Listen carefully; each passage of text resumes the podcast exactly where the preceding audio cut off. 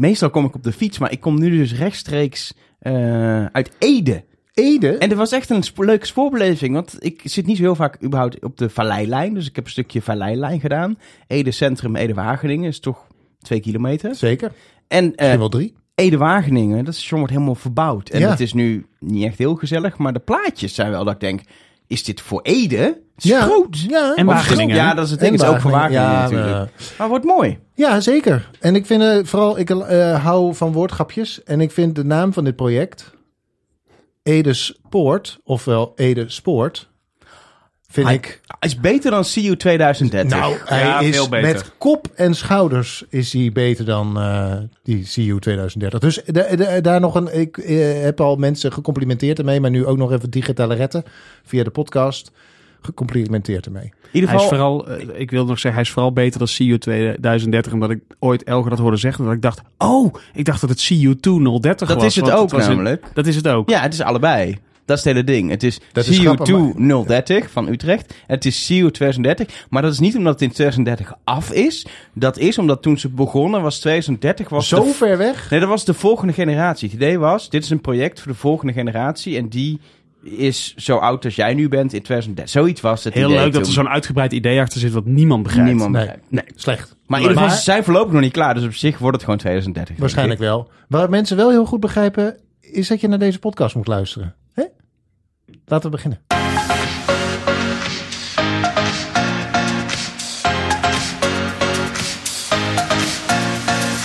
Hallo en welkom bij de Spoorcast. Een podcast over dingen die meestal met een machinist, maar soms ook zelfstandig rijden op het spoor. Hou op met me. Met eh, Ar- Arjan Spoormans Ja, hallo. natuurlijk, bekend van YouTube.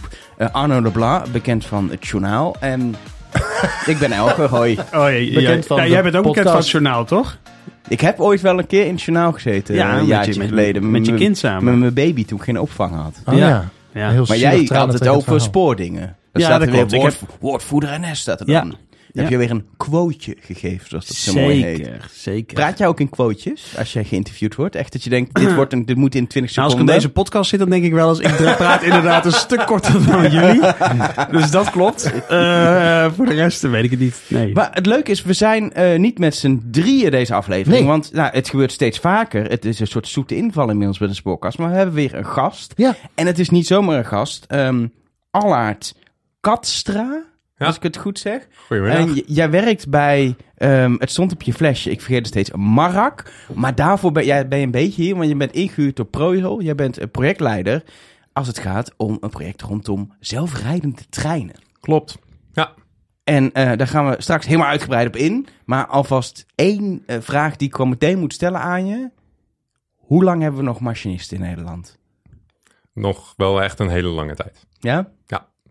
Is, dat, is dit goed nieuws of slecht nieuws? Kijk even naar eh, Arjan. Is goed Nou, voor de machinisten. mensen, ja, voor machinisten is het fijn. En eh, voor eh, ja, tempo eh, op het spoor en zo, de, de, de, de, hoeveel treinen je kwijt kunt, zou je eigen op het spoor met de toekomst, eh, de ambities om meer treinen te gaan rijden, zou je natuurlijk eigenlijk willen dat, het, ja, dat je net iets sneller gaat. Maar nou was er, las ik ook iets over een mevrouw die heeft onderzocht of mensen wel in een zelfrijdende trein durven stappen. Een, eh, een of andere scriptie. Eh, en daarvan was, eh, had het meer, meer een deel van de mensen had gezegd: nee, dat, dat, dat durf ik niet. Dus, Mensen stappen massaal wereldwijd in zelfrijdende metro's. Precies. Nee, ja, het is dus. ehm, het heeft een soort. Het heeft eh, de, het imago is een beetje dat je dat het, eh, dat het gevaarlijk is en dat je vooral een mens aan de knoppen moet hebben. Terwijl we eigenlijk overal weten dat als je een mens niet meer aan de knoppen zet, dat het per definitie veiliger wordt. Dus eh, daar is nog wel wat. eh, daar is nog wat te doen. Eh, de, de, de acceptatie van de massa. Nou, daar gaan we het allemaal over daar, hebben hebben we, daar, straks, hebben dan- daar hebben we de tijd voor. Want ja, Precies. We gaan het straks met alles over hebben. Maar eerst moeten we natuurlijk even naar ons eigen meldpunt. Het meldpunt goed verlopen treinreizen. ja, En dan kijken we even naar het hoofdmeldpunt. ik heb daar niet eh, naar gezocht. Ik heb er niet op gelet. Ik denk niet dat we meldingen hebben gehad. Dat wil niet zeggen dat Wat? we geen. Ja, dat Hoe kan geen, dat? Ja, dat weet ik. Mensen mailen ons niet. Is het, eh, moeten we het meldpunt opheffen? Nee, we gaan de Nou, melding het gaat niet nu op- gewoon zo goed dat eh, mensen gewoon denken... ja, je kunt alles wel melden, maar heeft geen zin. Dat, dat zou kunnen. Eh, aan de andere kant, eh, de boe-makers eh, bij de reizigersverenigingen... die hebben weer een nieuw meldpunt geopend... om extra eh, slecht verlopen treinreizen... Maar nou weer over. Ja, Rover, ja, inderdaad. Oh. Die deed dat.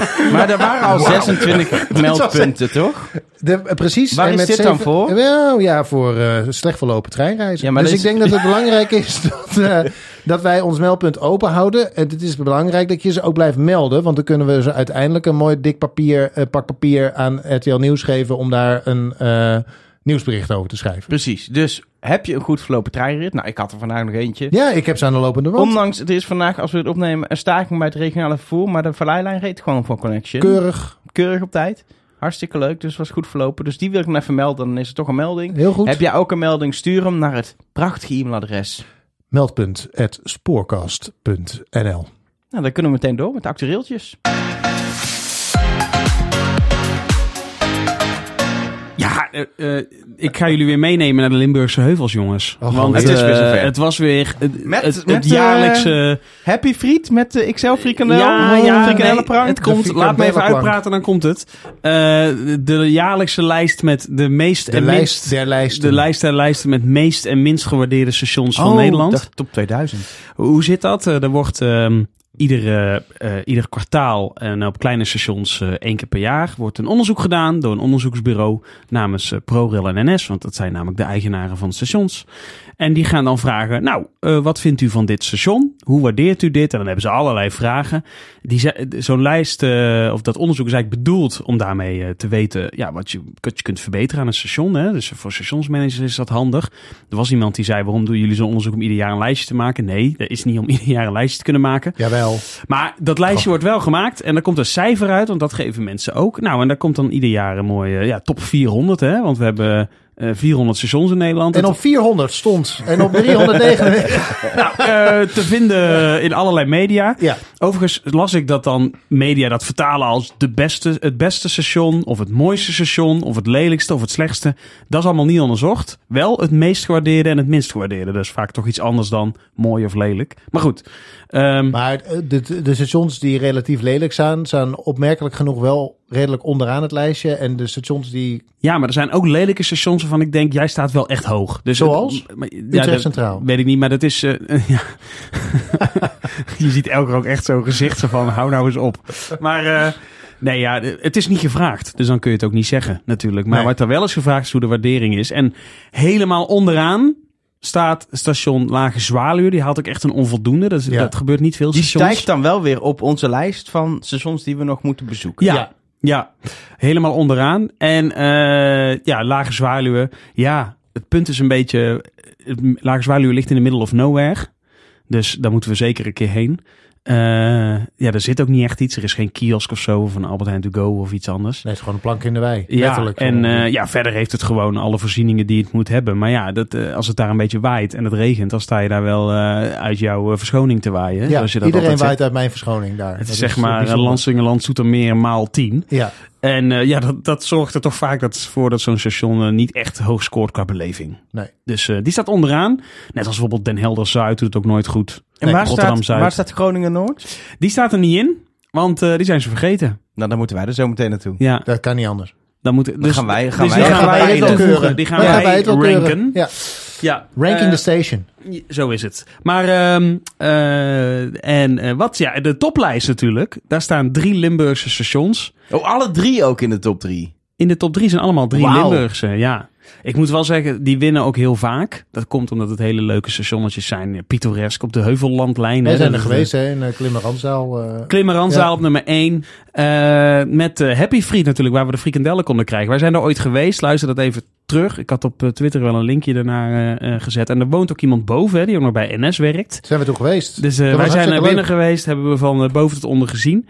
Maar op twee eh, staat eh Schin op Geul. En op drie Valkenburg, als ik het goed heb, of andersom. Maar in ieder geval, twee en drie zijn ook... Ja, dit, dit ligt op dezelfde lijn. En ik dacht, ja, eh, wie kan er nou beter even uitleggen... dan iemand die die stations gewoon nagebouwd heeft als Hè? modelbouwer? Wat? Ja, Ja, dan weet je er alles van. waarom weet je er alles van, toch? Is er iemand in zijn. Nederland die die, die die drie stations per toeval heeft Nou, ik denk niet per toeval. Ik denk dat hij dacht, dit zijn mooie stations. Ja, maar dan is het wel toeval dat die drie dan ook toevallig dan de eh, mooiste van Nederland zijn, toch? Of heeft hij ze allemaal nagebouwd? zal ik gewoon bellen, dan gaan we het en vragen. heeft hij altijd de top drie? Komt hij uit Friesland? Nee, uit Limburg natuurlijk. Oh, wat een toeval. Bert Sander. Dag Bert, met Arno spreek je van de Spoorkast. En Elger en Arjan zijn er ook. Hallo. Hallo. Ja, En Bert, ik- goedemiddag. Ik ga meteen met de deur in huis vallen bij je, want wij hebben het hier over de meest gewaardeerde stations van Nederland. En daar zaten er drie bij in Limburg. En jij Ja, bent, jij bent mo- modelbouwer en jij hebt ze alle drie gemaakt. Allereerst Bert, klopt het dat jij dan gewoon die lijst afgaat en, en dan die stations bouwt? Of had het een andere reden dat je ze nagebouwd hebt? Eh, Ja, ik ben op een gegeven moment die lijst wel nagegaan, maar het is ooit begonnen met het spelen met de modeltrein. Op een gegeven moment eh, ja, wilde ik toch eens graag iets bekends hebben uit mijn eigen omgeving. En aangezien ik in Klimmen woonde, werd dat dus het station. Ja, en wat voor een station ook, hè? Ja, en dat is eigenlijk de aanleiding geweest om de dingen zelf gaan te bouwen. Want er is op Nederlands gebied toen, zeg maar dik 50 jaar geleden, en, en nu is er op Nederlands gebied bijna niks te koop. En dat, ja, dat heeft ertoe geleid om dingen zelf gaan te maken. Kijk, en, en, en eh, hoeveel heb je er inmiddels nagemaakt? Hoeveel stations? Nou, we zijn, ik, ik- ja, ik, ik heb ze niet getaald, maar het zullen er dik tussen de 25 en de 30 zijn. Wow! Zo, Maar waar, waar- waar- hoe maak je je selectie dan? Hoe bepaal je welke stations je gaat namaken? Nou, en ten eerste is het alleen Limburg, Ah. en vooral in het zuiden. En eh, ja, toen ik eenmaal dat de, zeg maar de feeling kreeg om die dingen te bouwen, toen, ja, toen ben ik gewoon eigenlijk verder gegaan. Ik klim naar Ransdal en als ik bij ons achter in de, wei- in de wei stond, eh, dan, kon je kijken van, van klimmen tot aan Schin op Geul. En daar lag dus het volgende, Schin op Geul, Valkenburg, Houtem Sint-Gerlach, Meersen. Ja, Maastricht heb ik met uitzondering niet gebouwd. Want dat wordt in de schaal 1 op 87, wordt dat dik 5, 6 meter. zo. Zo. Dat, dat, dat, dat word je nergens kwijt. Ja. Maar, Wow. maar nou ben ik wel benieuwd, want eh, ja, we bellen je eigenlijk vanwege die top drie. Hè? Dat is dan Klimmen, Ransdaal, Schin op Geul en Valkenburg. Ja, ja. Wat is er zo bijzonder aan deze stations? Want jij kent ze van binnen en van buiten. Nou bijzonder is eh, sowieso aan de lijn Heerlen-Maastricht is er geen enkel station hetzelfde. Ze zijn allemaal verschillend. Normaal gesproken, als bijvoorbeeld eh, de, de, de spoorwegen een spoorlijn aanleggen, dan wordt dat gestandaardiseerd. Eh, je hebt de staatsspoor klasse 4, je hebt staatsspoor klasse 5, je hebt staatsspoor eerste klas. Maar dat is aan deze lijn niet, omdat het ook uit verschillende spoorwegmaatschappijen bestond. En die hebben dus ook die stations gebouwd. Aha. En de laatste drie, dat was Geul, Klemmeranzaal en Voerendaal. Het bijzondere aan het station van Klemmeranzaal is dat het eh, met Voerendaal zijn de enige twee stations in Nederland waar de Limburgse vakwerkbouw in voorkomt. Dus de grote zwarte balken En dat spreekt aan. en dat spreekt aan. Ook de vorm van het station is heel bijzonder. Met puntige daken, hoge schoorstenen. En tegenwoordig zijn ze afgevlakt. Maar vroeger waren die ook nog voorzien allemaal van een apart pannen, dakpannen dakje. En, en, en, en volgens mij heb je bij Valkenburg dan eh, is dan weer bijzonder dat het heel, dat- ja, het is een soort kasteeltje, hè? Dat eh, ook eh, helemaal uit mergel Ja. is, is opgetrokken. De- ja, de architect toen, Jacobus Enschede, die heeft het, het, het, het, bebouwmateriaal uit de omgeving gebruikt om het station te maken in Valkenburg. En die heeft, zover als ik het de geschiedenis kunnen achterhalen, heeft hij als inspiratie gebruikt het paleis van koning Willem II in Tilburg. Ach, ik, ik, ik, ik denk dat iedereen gewoon moet gaan kijken. Maar misschien, ik weet niet, zijn jouw model, eh, zijn, zijn jouw model eh, van deze stations ook eh, te zien ergens? Soms. Ligt eraan of, of, je, of, je, of je tijd hebt thuis. Ja, nee, tijd niet, maar wij, eh, ik, doe samen met een collega, die is ook modelbouwer. En eh, wij nemen deel aan diverse exposities. Nou, dan zou ik nu zeggen, zoek even op Berry Modelbouw op eh, Facebook. Want daar staan, eh, daar staan eh, allemaal foto's volgens mij hè, van wat je hebt gemaakt. Ja. Op Facebook is het modelbouw Bert Zende. En daar meestal houden ze, de volgers die houden wel bij waar, waar wij naartoe gaan. Vanaf 4 maart eh, staan wij eh, bij de Heemkundevereniging in Geleen. Kijk, Nou, dat wordt een, een tripje naar Geleen om, eh, om te gaan kijken. En dan kun je in het klein kijken waarom dit zulke mooie stations zijn. Dat duurt dan tot 14 april, dus je hebt dik zes weken de tijd. Hey Bert, ik wil je heel hartelijk bedanken voor jouw uitleg. Eh, nou, naar Geleen, daar kun je dus eh, vanaf 4 maart, dus eh, als mensen deze podcast horen, Vanaf dan- 4 maart, ja. ja, kun je daar gaan kijken. En, ehm, eh, nou, en op jouw Facebookpagina zijn ze ook te bewonderen. Mag ik jou heel hartelijk bedanken Ja, voor je uitleg. En, Graag eh, gedaan. en wellicht Graag komen we zelf ook nog wel een keer kijken. Hè? Wie weet. Nou, dat waren de actueeltjes. Ik heb, nee, nee, zal ho, ik er heel ho, kort ho, nog even... Ik heb, één Ik heb keer- ook nog eentje. Ja, maar de tijd. Nee, niks de tijd. Het gaat van Allards tijd af, nee hè? hoor, we hebben De- geen tijdslot. We kunnen gewoon door. Oké, Eh, ik ga heel snel een nieuwtje doen. Het is een heel klein actueeltje. Meestal Oké. heb ik natuurlijk het grote nieuws. Nee, het is een te groot actueeltje volgens mij, toch? ja, want eh, Een- een te breed eigenlijk. te breed in, actueeltje. in Spanje zijn er ambtenaren geweest die nieuwe treinen hadden besteld. Ehm 260 miljoen euro uitgegeven aan prachtige nieuwe treinen. Alleen in Spanje heb je nogal wat dingen met eh, type sporen. En, ehm, eh, maar vooral ook bijvoorbeeld bepaalde tunnels die bepaalde afmetingen hebben vanuit vroeger. En ze hebben geen rekening mee gehouden dat deze spiksplinter nieuwe treinen die Noord-Spanje in moeten, niet door de tunnels kunnen omdat ze te breed zijn. En dat Ach. heeft ook gewoon eh, die ambtenaren hun, hun baan gekost. Nou ja, ze zijn officieel zelf opgeslapt onder de, onder de maatschappelijke politieke druk waarschijnlijk. Eh, Ze zullen een handje geholpen zijn. maar dit was zo'n nieuwtje dat ik dacht, oh, dat dit, dat dit, Dit gebeurt gewoon. dat dit ja. nog steeds Maar Elke, gebeurt. Er zit toch gewoon een, er is gewoon volgens mij CAF. Dat is een van de grootste treinenbouwers in. Er wordt naast mij Ja. hard geknikt door alle. Die kun je heel goed van het koren scheiden. Nou, precies. Die en, zit ook in Noord-Spanje. Ja, die zitten daar, ja. en, en precies. En eh, blijkbaar hebben ze ze niet daar besteld. Want die hadden vast wel geweten hoe breed de sporen daar zijn, neem ik aan. Dus dat is toch raar? Ja, de, En ambtenaren, hoezo doet een spoorbedrijf dit niet gewoon? omdat het eh, eh, Spaanse ministerie van eh, eh, Transport daarvoor verantwoordelijk is. Nou ja, dat zag je in Engeland ook. In Engeland was, eh, de, waren de treinen over het algemeen van de concessieverlener. En als je de concessie overnam, dan gebruikte je die treinstellen. Ja. dus het is niet heel. Het, is, het komt vaker voor dat eh, Maar, zeg maar- treinen niet, in, de, niet in eigendom zijn van de concessiehouder. Maar het is ook zo in Spanje dat zeg maar Renfe, de, de spoormaatschappij, de baas van alle mensen daar is het ministerie voor Transport. Dus ja, die kan ook de, de topmensen bij Renfe gewoon ontslaan. huppa, Ja. weg ermee. Ik denk dat Europa daar nog wel, wel wat aan gaat doen, denk ik. Maar goed. Dat, dat is iets anders. In ieder geval een, een, een pijnlijke eh, blunder. Ik ben wel heel benieuwd naar eh, de aangepaste trein die er uiteindelijk kan komen. Het zou heel mooi zijn weer- op het moment dat, er- omdat ze, de, als ze een hele rare bijgedeukte vorm krijgen, dat ze zeg maar ergens een hoekje afzagen en dat op een andere manier aan elkaar lassen en dat je eh, sindsdien altijd als je in zo'n trein stapt weet, Ja, dit, ik zou dat ook als, eh, ik zou dat ook doen, denk ik. Eh, Als je dan toch, gewoon als feature. ja, ik zou ervoor zorgen dat de bestaande tre- die, de trein die je besteld hebt, dat, je, dat die uiteindelijk passend worden gemaakt en dat je dat ziet in het ontwerp, dat je voor altijd weet. doe een beetje zoals Dat die Gewoon rijden en dan Die- wordt hij vanzelf Dat aangepast. kan ook nog. zoals iedere tunnel sommige, ietsje gas geven. sommige metrostellen in Londen hebben dat heel erg. Op bepaalde lijnen, die, eh, de oude lijnen die geboord zijn, daar Oh ja. heb je heel erg die bolle deur. En dan Precies. sta je helemaal zo schuin tegen de ja, wand dat is aan. toch dat helemaal- Ik zou dat mooi En vinden. er zit ook maar 10 centimeter tussen de tunnelwand en de trein. Ja. Want dat is echt voor elkaar gemaakt. Ja, nou, dat precies. gaan ze in Spanje nu ook doen. Ze, treinen komen nu in 2026. Dan kunnen we gaan zien hoe ze eruit zien. Dat is Nou. twee jaar later dan de bedoeling is. Ik eh, plan alvast een eh, stationsbezoekje of een tunnelbezoekje. Het tunnelbezoekje. Ehm, ik pak heel even een onderwerp van afgelopen maand. Ik zal ook een beetje voortmaken. Dat zijn jullie niet van mij gewend. Dus let op, hier ga ik. Eh, vorige maand hadden we het over de, de, de, de, de, de, de, de plannen voor de dienstregeling van 2024. Ja. Nou, die zijn er. Dat hadden we al aangekondigd. Dat was niet moeilijk, want dat wisten we natuurlijk al, want dat gebeurt ieder jaar.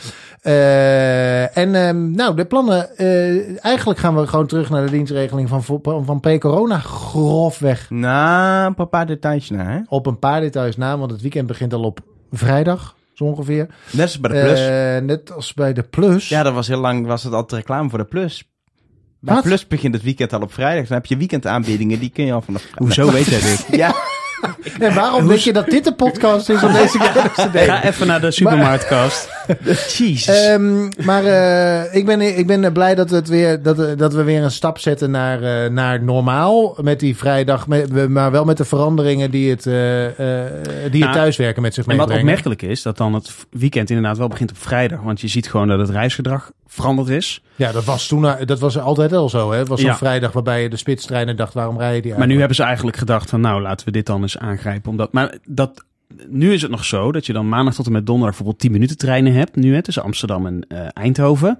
En dat dan op vrijdag gewoon een van die 10 minuten treinen eruit wordt gevist. Waardoor je een soort 10-10-20 model krijgt. Hè, 10 minuten, 10 minuten, 20 Ja, dat is minuten. al jaren zo, ja. Ja, en dat gaan ze wel eh recht zetten. Want eh, op vrijdag, zaterdag en zondag wordt het wel echt gewoon een kwartiersdienst. maar ja. dan komt dus niet de oude dienstregeling van voor corona terug, zoals Arjan zei. Nee, maar dat hoeft dan Want ook we niet. hadden 10 minuten trein in het weekend voor corona.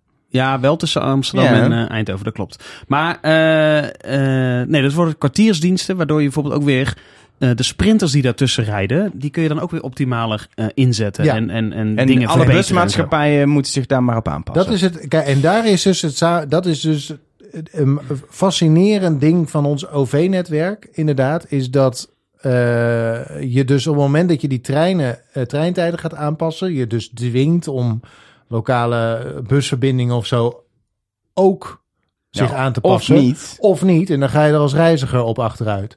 Of op vooruit als je aansluiting opeens korter duurt dan anders. Of Ja, zo. dus dat gaan we meemaken. Ehm, maar dat, eh, eh, hier, hier, zou je, hier hoop je dan toch weer op iets meer integraliteit. Hoewel dat moeilijk is te verwezenlijken, denk ik.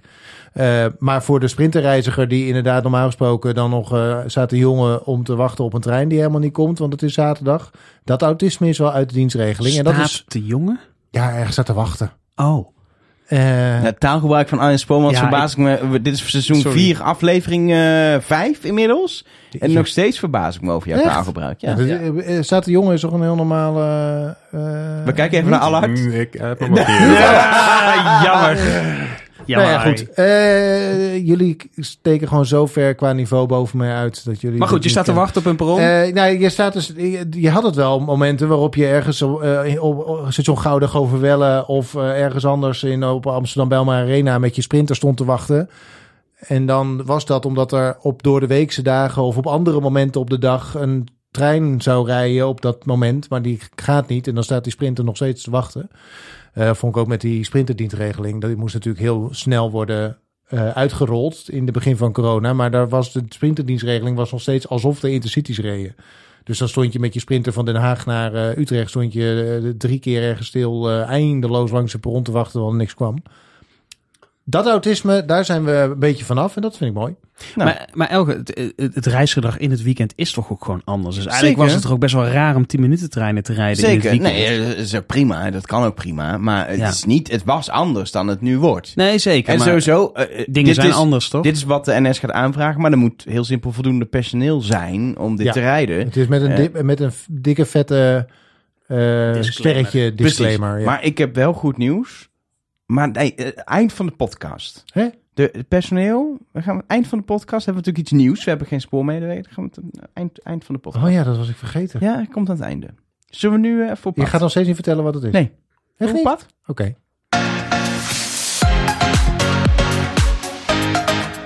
Ja, want iedere maand in de spoorkast gaan we op pad. En ehm, we zijn de laatste maanden naar Utrecht Centraal geweest, wat toch twee kilometer van de studio van de spoorkast En niet is. zo heel mooi. Nee, en we zijn, Als je nou ook nog over de passerel in Woerden begint, jongen. we zijn naar Woerden dan gaan we echt... Dat Met was, de loopbrug. dat was toch, denk ik, 15 kilometer vanaf de studio. Maar nu Ja. gaan we naar dat station wat zelfs te ver was voor de marktonderzoekers van de NS. Ja. We gaan namelijk onderzoek doen. Dus er wordt een spoorkastonderzoek naar de reisbeleving van drie reizigers, namelijk wij drieën, op Groningen Noord.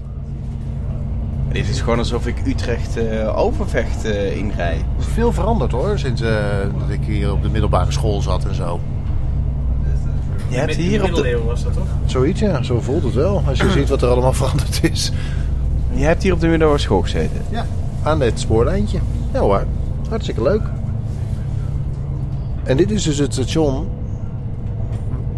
wat ge- vergeten is in het reizigersonderzoek. Ja, daar is het. Een beetje Rotterdam-Alexander. Groningen Noord. Wij, wij zijn, we zitten nog in de trein, Arno. Doe nou eens even rustig met je aannames meteen.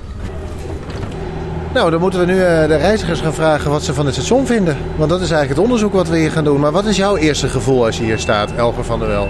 Nou, er is een perron. Er stopt een heel kort eh, treintje naar Delfzijl van Arriva, de Foppe de Haan met eh, twee bakken.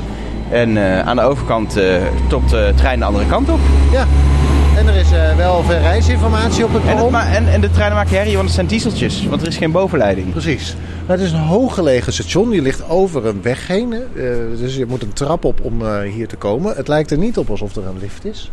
Is er een lift? Is er een hellingbaan ergens? Oh, daar aan het eind Jij van bron van is een er hellingbaan. een lift is. Zo te zien. Oh ja. Eh, dus je kunt hier eh, ook eh, met je rolstoel, eh, als je hele sterke bovenarmen hebt, op. Er is niks te krijgen.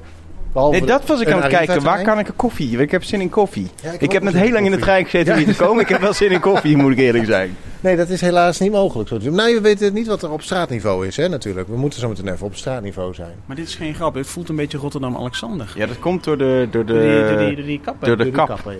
Het heeft een beetje hetzelfde soort echt eh, dakconstructie als eh inderdaad Rotterdam Maar ik vind het niet een plank in de wei of zo. Het is wel, ja, je staat er in ieder geval droog. Het is En gewoon... heel veel droog, want het Ja. loopt echt, het is bijna over het hele perron is er... En dit eh, station eh, is al van 1884, jongens. Het is wel helemaal vernieuwd. Ik wou En, zeggen, dit, dit is niet uit eh, Maar 1884. dit station bestond al... eh, dit is nou, duidelijk ergens in de jaren 80 Maar gebouwd. zometeen komt er nog een trein. Dus 70. als we reizigers 70, willen vragen of wat ze van het station vinden, hoe we het nu doen. want Nou, ga je gang. Dag, hallo. Mogen we vragen wat u van het station vindt, Groningen-Noord? Eh, ja, wat vinden wij ervan? Bent u Een blij? beetje- Vindt u het mooi? Vindt u het een tochtgat? Een tocht, nou een tocht wel, ja. Het is een beetje kaal. Maar eh, Wat voor cijfer zou u het geven? wat zou jij geven? Eh, Ehm 7,5. 7,5. Nou, dat is mooi. Dat is keurig. ja, het is bedankt. wel fijn dat het er is, want anders moeten we naar het hoofd. Precies. Dus dat is Dit wel is heel fijn, wel ja. korter natuurlijk Dit is uiteindelijk. de bewijzering. Kon u het makkelijk vinden allemaal? Ja, ik woon hier al heel lang. Dus, Oké. Ja, nee, maar dat is wel... Dat wordt allemaal Dat- dat dat zit in het onderzoek Ja, ook ja, allemaal. Ja, ja, ja. Nou, snel nog En de winkeltjes? vragen? Oh nee, dat Nee, hoef de ik niet te vragen. nee, is een restaurant, hè? Echt? Oh, maar dan gaan we zo even beneden kijken. We nog even snel één reiziger dan doen. Dank u wel. Dank u. Hallo, mogen we wat vragen? Jawel. Wat vind je van het station? Ehm, mm, Oké, niet Oké. geweldig. Waar- waarom niet geweldig? Ja, ik kom hier al lang. Het is wel verbeterd over de jaren, maar het is nog steeds vind ik best een kaal station. En, eh, en, en als je dus een rapportcijfer zou moeten geven? Zes. Zes. Een zes. En, en wat, zou, wat zou er gedaan kunnen worden om het rapportcijfer omhoog eh, te krijgen? Eh, vind ik lastig. Koffie, ja, gratis koffie. Gratis. Gratis ook. Dat zijn wel Nederlanders, ja. Ja.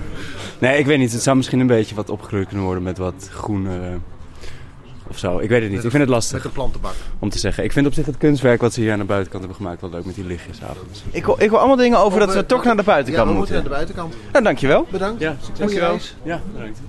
Nou, ik vind het gemiddelde toch lang niet slecht. Van Groningen-Noord. Een 7,5 en een 6. Dat is dan een... eh, Het was zeker niet in de onderste regionen terechtgekomen als ze gewoon het onderzoek hadden uitgevoerd bij de NS. Of in ieder geval... Nou, in ieder geval na deze representatieve twee mensen. We hadden mannen, vrouwen, jong, oud, alles zat Alles ertussen. zat Alles ertussen. Ja hoor. Ja. Ja hoor. Ja Ik hoor. vind dit al leuk. We lopen een soort poort onderdoor. Zie je dat? Ja. Even met een ragebol bovendoor, eh bovenlangs zou geen kwaad kunnen, want er zit wel heel veel spinnenwebben. En dan kom je dus op straatniveau. Kijk, daar staat het ook mooi. Groningen-Noord, op, eh, op het viaduct. En we hebben dus kennelijk een koffie, lunch, snacks, burgers, drinks, mirage restaurant onder het spoor. Ik denk, het, wat wel scheelt, we zijn hier op een prachtige... Het is nog winter, winterdag. Het is ook niet Ja. per se warm. Nee. Maar het is wel blauwe lucht. Ik denk, als je hier staat op zo'n regenachtige, druilerige dag... Met een beetje mist... Staat droog. Je staat droog, maar het is wel dan... Het is, de, de- de kleur mist een beetje. Ja, het mist wel een Mirage beetje- heeft het meeste kleur omdat Ja. ze geel in hun logo hebben. Maar Het verder is is het heel jaren zwart. 70. Het, ja. is, eh, het Ja. mist een beetje cachet. Kastje. Maar we hebben wel mooie gebouwen hier omheen. En er was nog ergens een kunstwerk. Waar is het kunstwerk? Ja, volgens mij is dit allemaal... Dit oh, is... kijk eens Oh, is dat... Oh, maar ik dacht ook, volgens mij zijn die banen hier allemaal licht. Dat zijn allemaal ledstrips. Waar? Volgens mij Waar? gaat het s'avonds iets doen. Al die verticale dingen aan de buitenkant. Oh, dat ja, zijn volgens mij ja. ledstrips. Dus ik denk dat het beweegt met licht of We zo moeten hier s'avonds. nog een keer terugkomen. Ik kijk even in mijn jij, agenda. jij, moet, jij moet hier s'avonds nog een keer terugkomen, hoor ik net. Maar hier, dit is ook, die kunst hier onder het s- spoor is ook best mooi. Hele mooie, hoe noem je dat? eh mozaïek? Nee, niet mozaïek, Ja, met eh, van die tegeltjes. van die Zoals tegeltjes. Gaudi eh, doet. Ja, Gaudi vind ik echt wel echt iets te veel van het goede. Ja, maar dat, dat is hetzelfde soort kunst. Maar Dat is met die- met, met de aarde en met eh, planeten eh, en met nog meer planeten. Het heeft, eh, nou, het heeft iets met planeten.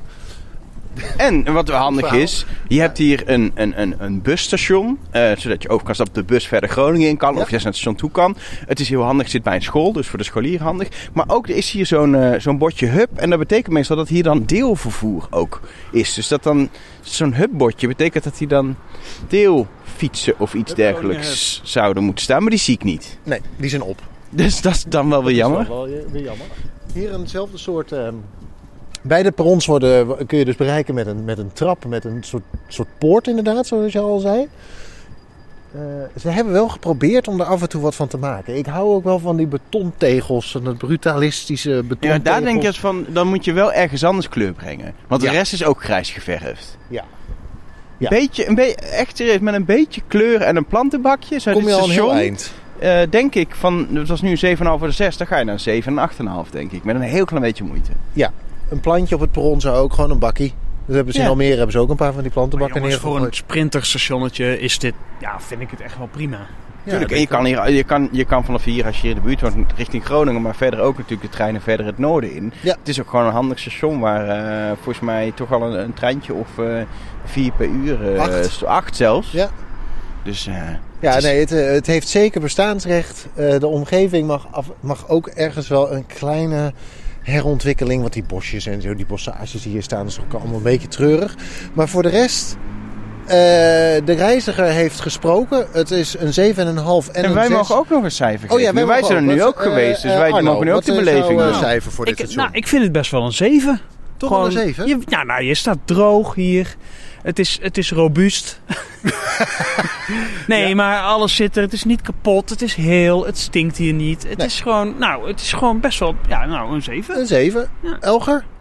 6,8. 6,8. 7 min, zeg maar. Ja, ik zat ook op een 7. Ik denk ook dat ik op een Maar 7 ik denk echt, als je een beetje, beetje kleur, een beetje groen Ja? op perron, een bakkie, Ja. dan, dan ga je naar 7,5. eh Maar dat betekent toch dat dit station een eh, eh, gemiddeld genomen tussen de reizigers en ons drieën, dus er zijn vijf niet bepaald representatieve, zeker, Nee. maar op een, op een, op een 7.1 uitkomt. Ja, Nou, which is ik, is, nou nee, nee 6,9, sorry, 6,9.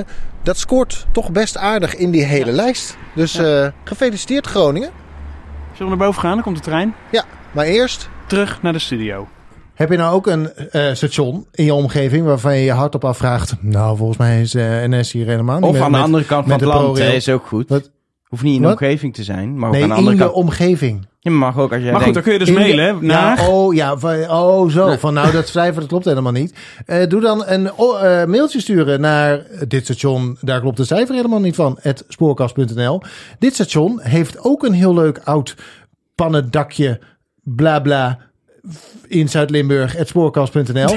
of eh, dit station heeft stoeptegels in de vorm van een achthoek. Het spoorkast.nl. Kijk maar eventjes. Je kunt ze eh, overal. Die mailadressen komen allemaal welk bij station ons. heeft dat? Dat weet ik niet, geen idee. Dat kan- is toch allemaal gewoon de kun je standaard dus mailen. Nederlandse maar dat kun je dus stoepte- mailen waar dat Oh. is. Mag ook een zeshoek zijn.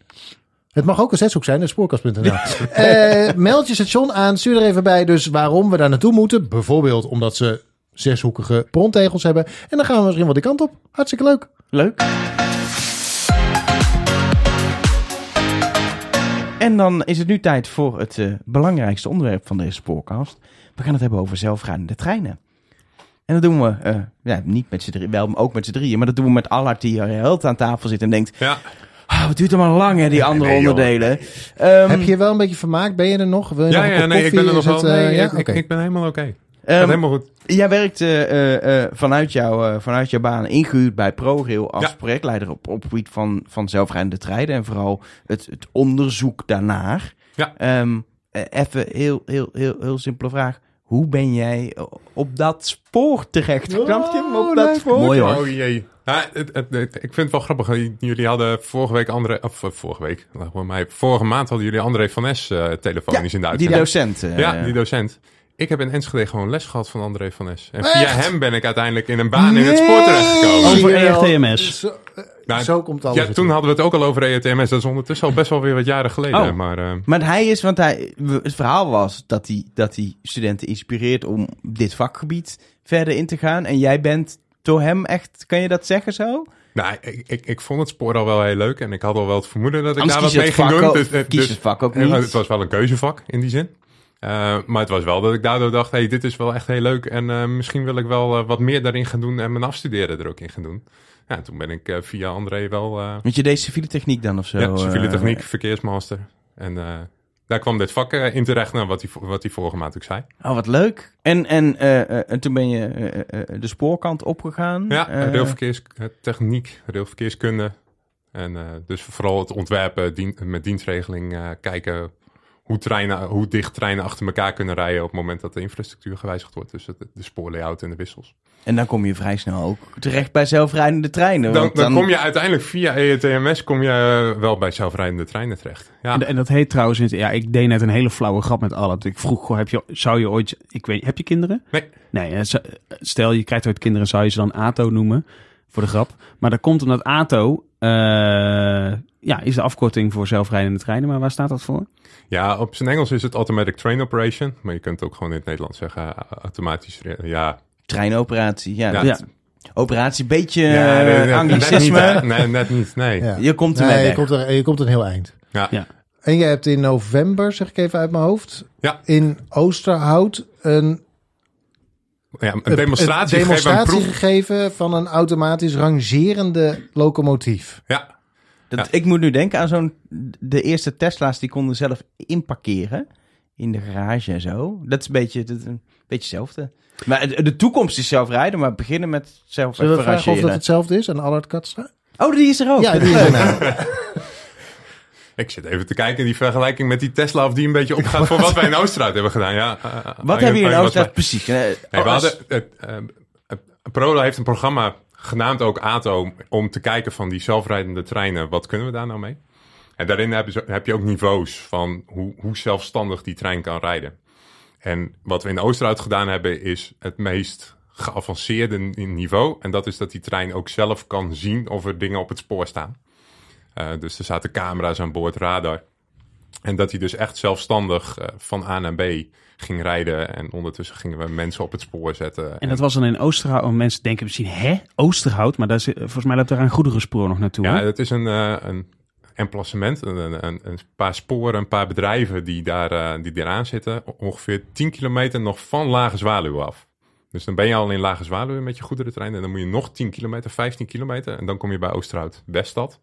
Ja. Eh, kom je uit. En dan, maar daar komen geen passagierstreinen of zo. Maar dat mensen Nee. denken van, hé, hey, eh, Oosterhout. goederen. Ja. En, en, en, en je zegt, jullie hebben daar een demonstratie gegeven en dan ook laten zien dat, die, dat het werkt. Je Ja. zegt onder andere dat als een mens op het spoor staat, dat die remt. Ja. Maar heb, je- dit heb je echt, in de demonstratie is echt een mens gaan staan? Ja, of dieren, of een, eh, of En- een betonblok. Of, eh, maar dat is- Auto, auto. We hebben Een auto. op ja, een, maar eh, dat, kijk, als je een een bus. demonstratie doet met een betonblok, dan is het ergste wat kan gebeuren, is dat, dat wel zonde, want het is een dure, eh, ehm, een dure wagon, denk ik. Of in dure- Spanje hebben ze er nog een paar over trouwens. eh. Ja, nee, is een, Maar die, die passen dan waarschijnlijk weer niet op Nee, onze die passen weer maar niet. ja. Nee. Maar het is een dure eh, locomotief met al die techniek eh, aan boord. Maar die dan stuk. Maar als je een mens neerzet en het gaat mis, dan hebben we een groter probleem. Nee, het, die proef, die vond, het was wel een test die we gingen doen. En dan, dan hou je er rekening mee dat het mis kan gaan. Dus, eh, we waren buiten dienst, dus er konden geen andere treinen komen. Op de locomotief zelf zat ook nog gewoon een machinist die aan de noodrem kan trekken en de boel stil kon zetten. Dus we hebben allemaal maatregelen wel genomen om echt te, ki- te kijken van, doet hij het nou en doet hij het goed genoeg en kunnen we erop vertrouwen? En deed hij het. Eh, hij herkende het wel. Ja, het was op de dag zelf ook. eh, s ochtends hadden we eh, de media die langskwam, de pers. En toen was het nogal mistig. En, en we, we stonden daar op die evenementlocatie die we hadden gekregen. En met een eh, groot scherm. En daar zagen we de camera's uit de locomotief. Maar het was één grote witte, witte vlakte. Maar wel met twee ja, rode vierkantjes van het systeem die gewoon een mens en, eh, en een wagon eh, Maar je zei, zit- radar. Ja, die zit, Ja, die, er zit zit ook radar radar- in. radar die, in, die doet het prima.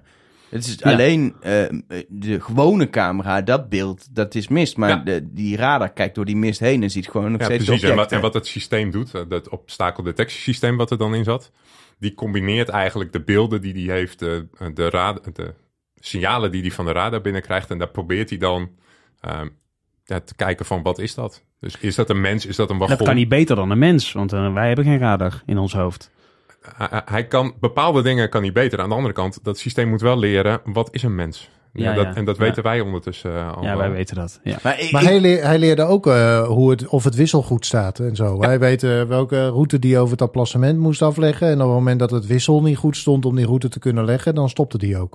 Ja, want uh, Oosterhout-Weststad, waar we het over hebben, dat is een niet centraal bediend gebied. En dat betekent eigenlijk dat de machinisten normaal gesproken uit moeten stappen uh, om zelf het wissel links of rechts te leggen voor welke kant hij op wil. Ja, dat bestaat nog. Ja, Ja, de, Nog best veel ook, best, volgens best mij. veel ook, inderdaad. Ja, ja. Ehm, en ja, dus dat systeem, ja, eh, hij kan...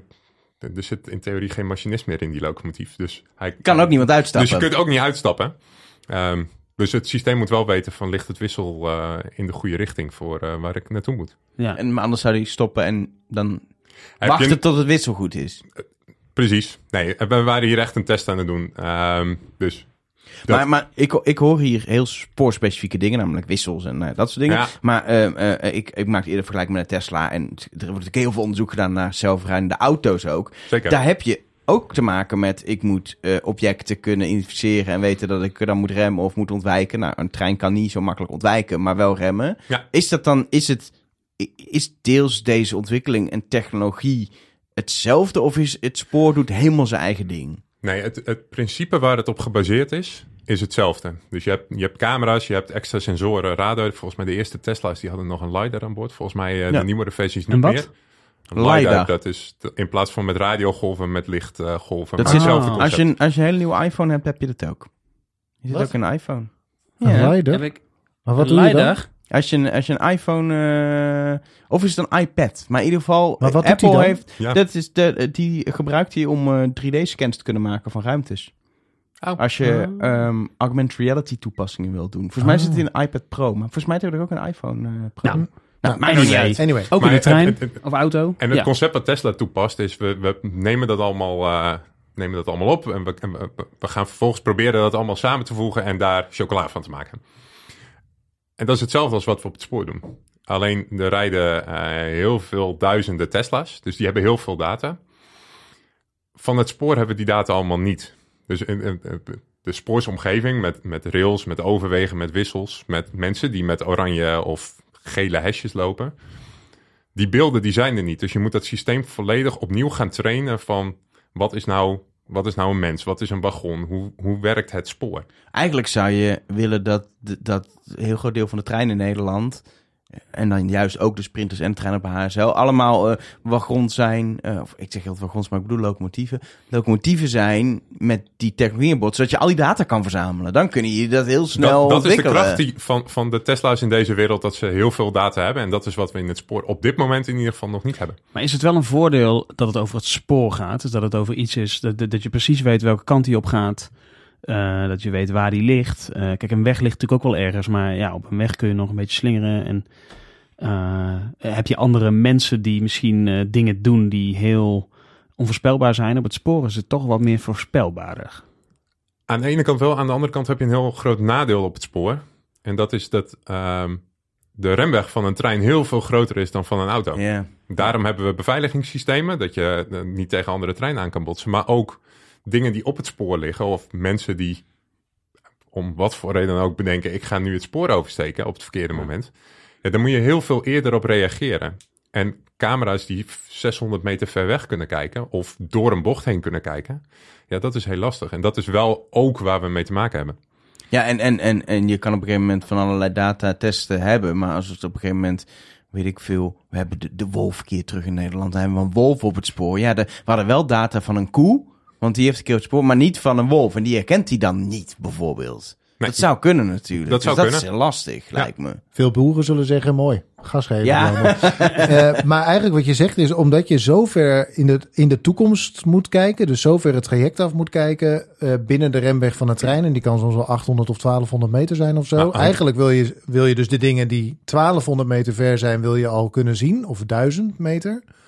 Ja, dan zit je wel echt op eh, nou, het, het, het hoofdspoor waar je, waar je harder rijdt. Ja, waar, ja, ja, waar, ja. waar we Ja. nu voor aan het kijken waren. Daar, daar rijdt zo'n trein maximaal 40 km per uur. Dus Ja. dan valt die afstand ook wel Ja. wat mee. Is daarom Ja. dat ook dat rangeren een mooi begin, omdat daar in principe al langzaam gereden voor, wordt. voor, zeker dat hele zelfstandig rijden. Wat we hier getest hebben, is rangeren is wel een van de eerste eh, toepassingen waar we denken dat het wat toe- van toegevoegde waarde gaat zijn. Meer dan, eh, dan voor reizigersvervoer of goederentreinen. Nu was er ook recent zo'n proef in het noorden. Was het nou een Arriva-trein? Ja. Was het een NS-trein? Ik weet het niet meer. Maar de Arriva. Nee, Arriva. Arriva-trein. eh, heeft, eh, hebben jullie daar dan ook weer wat mee te maken? Of zijn dat dan weer... Ja, ik was testmanager van dat project. Aha. Ah. Dus eh, Vertel ons alles. Nou, wat, het, het verschil met de proef in Oosterhout en de proef in, eh, in Groningen was dat wat ik zei, ATO is in verschillende niveaus ingedeeld. vier eigenlijk. Of eigenlijk automatisering in het algemeen. En eh, wat we in Groningen gedaan hebben, is wat je meer kan vergelijken met een geautomatiseerde cruise control. Het gaat, bij, bij die niveaus gaat het over hoeveel autonomie is er nog van een mens en of is een mens nog nodig. Hoe- het laagste niveau is meer een beetje beveiliging, ondersteuning. En het hoogste niveau is er is geen mens meer nodig. Ja, een goede samenvatting. Mooi. En daar helpt E- ERTMS er bij vorige week natuurlijk eh, ook wel bij. Want op de HSL wordt al gereden met schermen en dingen. En dan heb je al geen seinen meer en zo. Dat begint al langzaam aan die kant op te gaan. Nee, en dat is ook waar, eh, hoe ATO heel snel eigenlijk eh, geïnnoveerd zou kunnen worden. Als je E ERTMS als onderlegger gebruikt, dan weet je zeker dat die trein altijd een veilig pad heeft om te kunnen rijden. Dus dat Ja. hij nooit een andere trein tegen gaat komen of dat het wissel nooit verkeerd ligt. Maar er Dus is dat deel is opgelost. ERTMS. Dus dat deel is Ja. opgelost. En dat betekent dat je, eh, als je die geavanceerde cruise control wil introduceren, dat je dan eh, die, dat hele veiligheidsdeel niet, niet hoeft aan te tonen. Want dat wordt door ERTMS opgelost. Ja, maar en dan, dan eh, kun je dus heel veel maar sneller... dan kan er dus nog iets op het spoor staan, bijvoorbeeld. Ja, maar daar, iets. daar, Ja. voor die proef eh, is het idee dat je toch een machinist aan boord hebt. Want wat is een geautomatiseerde, geavanceerde eh, cruise control? Ik ben machinist en wat, wat doet de cruise control dan voor mij? De, ehm, de ATO die weet eh, waar hij moet stoppen, hoe laat hij eh, langs bepaalde wissels moet of hoe laat hij moet aankomen. Dus hij weet ook of hij op tijd rijdt of niet. Dat kan hij berekenen. Ehm, en hij kan dus ook bedenken van, nou, ik ga nu energie besparen, eh, want ik, ik, ik, ik kan het makkelijk halen. Dus dan kan ik nu minder gas geven en dan kom ik nog steeds op tijd aan. Of ik loop nu achter, dus ik moet nu zo snel mogelijk daarheen. Dat hoeft de machinist niet meer te doen. Eh, de machinist is wel, die moet nog wel naar buiten kijken of er iets op het spoor zit. En ook het bedienen van de deuren, dat blijft waarschijnlijk ook bij de machinist of bij de conducteur dan, eh, blijft dat zitten. Maar, maar, maar wat ik, wat ik Maar eigenlijk vooral wil de zeggen... rijtaken, die worden Ja, overgenomen. In principe heb je dan een soort automatische piloot. Ja. Behalve bij onverwachte situaties, zoals die op het spoor, dan moet de machinist ingrijpen. Ja. Maar verder, als alles gewoon normaal is, dan dankzij ERTMS en dat systeem. Kan die helemaal automatisch rijden. En wat je nu getest hebben is om tot dat hoogste niveau, dat niveau 4 Vier. is dat dan te komen, moet je eigenlijk daarbovenop nog dat stukje doen, ingrijpen in geval van nood, het herkennen daarvan en ingrijpen. En dat is het allermoeilijkste deel. Ja, Dat, dat is klopt. denk ik een stap. Ook omdat je op dat moment... Kijk, je kan bij die cruise control kun je nog zeggen... Ja, dat systeem moet op zich 100% werken... maar je hebt die machinist om in te grijpen als het misgaat. Dat Ja. weghalen betekent dat het echt... dat systeem moet helemaal waterdicht zijn. Anders gaan we dat nooit toestaan dat we dat op Nee. het spoor laten. Nee, klopt. En dat, daarom zie je dat bij metro's al een heel stuk eh, meer wordt toegepast. Daar heb je CBTC, nou dat is een beetje hetzelfde als E ERTMS. Dus die veiligheidsonderlegger, die zit daar. Maar metro's zijn een afgesloten systeem. Daar heb je geen, vaak geen overwegen, heel vaak perrondeuren. Ja, dus Geen koeien, geen ganzen, geen zwanen. ik, ik hoop het niet. Meestal niet. Sterker nog, je ziet, je ziet vaak dat als er eh, eh, eh, zelfrijdende metro's rijden, dat er vaak, wat je zegt, perrondeuren zijn om ook te voorkomen dat er iemand op het, op het station nog eh, Nou, op het perron kan Ja, vallen. je, hebt de, je hebt de metro van Denemarken. En daar heb je binnen stations en buiten. Dus in de tunnel en, eh, en in een tunnelbak. En buiten hadden ze geen perrondeuren. Maar er waren zo, die sensoren van die metrostellen stonden zo scherp afgesteld... dat een ballon op het spoor moest die metro al stoppen. Ah, dan krijg je gewoon eigenlijk continu noodremmen, terwijl je dat helemaal niet eh nodig Uiteindelijk is en hebben ze daar perrondeuren ook bij de buitenperrons, bij de buitenstations geplaatst. Zodat die eh, ja, veiligheidsfactor wat omhoog geschroefd kon worden. En dat die minder vaak stilstond omdat er iets op het spoor lag. Maar dat is in Nederland hebben we ook, als je kijkt, daar, de- en ook in het buitenland, maar de HSL is eigenlijk al een heel afgesloten systeem. Daar heb je in principe geen eh, normale overwegen. Dat zijn allemaal eh, tunnels of bruggen. Eh, het is veel beter afgeschermd, zodat je niet op het spoor kan komen. Totdat je natuurlijk bij een station komt, HSL afgaat, bij een station stopt. Dan is het nog gewoon ouderwets. Maar, verder HSL is het, meer. nee, precies. Maar verder is het helemaal afgeschermd. Hebben we dat, hebben we zo'n goed afgeschermd spoor nodig in Nederland om dat level 4 überhaupt in de praktijk te kunnen gaan toepassen? Dat moeten we echt nog gaan onderzoeken. Die, die kans is wel groot. Ehm, en uit de proef blijkt ook wel dat het echt bijzonder lastig nog is. Ehm, En is het lastiger dan juist wat je zegt dat hij te veel remt? Of is het lastiger dat die dingen niet herkent en dat er ongeluk kunnen gebeuren? dat er heel veel in de omgeving kan gebeuren waar die op zou moeten gaan reageren. Maar we gaan wel in eh, 2025 eh, is het plan eh, een grote proef op de Betuwe-route. Dat is ook volledig afgeschermd. Om dan met een, eh, een goederentrein eh, heel veel dagen te gaan testen. En daar komt ook zo'n obstakeldetectiesysteem in om ook daar meer van te gaan leren. En er is een re- natuurlijk een reden waarom deze testen met, eh, eh, op, met goederenvervoerders ook plaatsvindt, toch? Er is, eh, met het rangeren is er een ambitie binnen de goederenwereld om dat met minder mensen te kunnen doen uiteindelijk, gezien de personeelskrapte. Ja, en er wordt ook nog wel eh, juist eh, verwacht dat er heel veel meer goederenvervoer gaat Ja, plaatsvinden. ja, ja, precies. Dus er gebeurt steeds meer op dat goederennet. En dat kunnen we ook niet eindeloos blijven uitbreiden. Ja. En dan zijn dit soort automatisch rangerende, zeg maar, als je automatisch treinen kunt gaan samenstellen, dan heeft dat een enorm voordeel uiteindelijk. Dan kun, je, dan kun je nog uitbreiden. Dat is het ding. Op een gegeven moment komen, Ja, lopen tegen de, limiet aan wat we met de huidige Precies. veiligheidssystemen en het menselijke aandeel kunnen. Ja. En dan als je nog wil groeien, ja, we kunnen nog heel veel sporen neerleggen, maar zelfs dat is op een gegeven moment lastig. Dan moet je gewoon gaan Maar de zou fijn zijn. Hebben we daar wel eens over gehad? Wat is dat? Utrecht Breda is ook fijn nog. Ja. Langs Maar, Oosterhout de proef was dus niet zo... eh, ja, ja, het was geen groot succes, of wel? Of, eh, ja, jij zei... Het was, het, was, het was een hele eerste proef. Dus Ja. eh, we zijn heel blij met de resultaten die we hebben. We hebben heel veel ervan geleerd. We weten nu ook je kunt eigenlijk niet over succes praten eigenlijk, bedoel je? Eh, nee. Nee. Oké. Nou, ja, je, hebt Maar wel iets, je hebt wel iets moois bereikt, toch? Ja. Tenminste, ik heb daar gestaan. Ik was erbij. En eh, het is heel gek om een trein waarvan je weet, dit is, dit gaat, hier zit niemand aan, om dat te zien rijden. En eh, op een gegeven moment moest hij dan ook eh, bij een, eh, eh, eh, een wagon stil komen te staan. En dat, dat nadert hij dan. Zo van, oh, hier is een wagon. En dan moet hij stoppen. En daarna moet hij langzaam oprijden naar, eh, naar de wagon, zodat je kunt koppelen. Ja. Eh, en dan zie je hem gas geven. En dan geeft hij best wel veel gas, vond ik. En dan denk je, holy shit, het ging, gaat veel te hard. En dan, wop, dan zet hij hem precies Ja. eh, op tijd stil. Dat vond ik wel, ik vond het wel cool om een zo'n groot, grote machine... eh, Maar de- hij redelijk moet- ouderwets ding natuurlijk. Gewoon een, het is een locomotief, dus het is een heel mechanisch apparaat. Maar hij moet dan ook heel veel weten over zijn eigen versnelling en remweg. En die is Dat, dat, dat deels is afhankelijk van misschien weer, ja. het weer, bijvoorbeeld. Van externe factoren. van het weer, hoeveel wagons erachter hangen. Dus dat, eh, in dit geval reden we met een losse locomotief. En die, eh, en die hebben ze ook echt moeten trainen. Dus heb ik echt ritten gereden om te kijken van nou, hoe snel kan die remmen, hoe snel eh, kan, hij, eh, kan hij optrekken. Om dat, om dat systeem ook te leren van ja, zo, zo, zo moet je ermee omgaan om uiteindelijk op tijd dat, voor dat die is makkelijker dan, een, dan eentje met, met, met 20 wagons eh, bruinkool erachter. Ja, dat werkt toch anders. Want dan, dan is je remweg, maar ook je, je versnelling is, is gewoon, is gewoon veel langer. Ja, en bij vochtiger weer wordt natuurlijk het spoor wat gladder. Dus dan, eh, eh, je moet, eh, dan moet je dat ding leren dat hij bij, wat, bij vochtiger weer eh, langzamer remt dan bij droog weer. Want dan heb je weer meer grip. Maar, op maar wat kwam er nou uit de proef? Of wat, wat, wat, wat nemen jullie nou mee? Lastige Dat- vraag waarschijnlijk. Ja, dat het nog heel lastig gaat worden. Uh-oh. Ja. Want?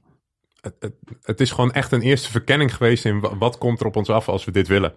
Dit is meer, het is meer een... Het, een- we noemden het een proof of concept. Dus Ja, precies. het- laten we kijken of we het voor elkaar kunnen krijgen. We Ja, wisten ik niet wil het eens eigenlijk of weer veel het, te concreet maken eigenlijk. we wisten eigenlijk niet eens gaan we het halen. Ja, ja. Maar dat is natuurlijk wel, jullie hebben de media ook uitgenodigd, snap ik. Want, want dit soort dingen, dat hebben we ook gezien in het verleden. eh, toen die, nou, Tesla heb ik als voorbeeld genoemd. Maar er, heel, veel- er is heel veel onderzoek, ook bijvoorbeeld in Eindhoven gedaan naar zelfrijdende auto's. En dat is meteen sexy. Dus op een gegeven moment ook een stuk weg ergens in Brabant afgerijd, eh, afgezet om auto's in een kolonne automatisch te laten rijden. En dan is er, is ja. er heel veel eh, media-aandacht. En de media is ook altijd een beetje dan van, oké, dit wordt nu getest. Wanneer is het? Dat is de Ja, eerste willen vraag. concreet. Wa- Wanneer is Net het als ik deed, Terwijl, terwijl jullie halen media bij iets wat nog zo in de kinderschoenen staat eigenlijk. Is het ook een beetje gevaar dat je dan de media erbij roept en laat zien, kijk, dit kunnen we nu, of dit zijn we aan het proberen.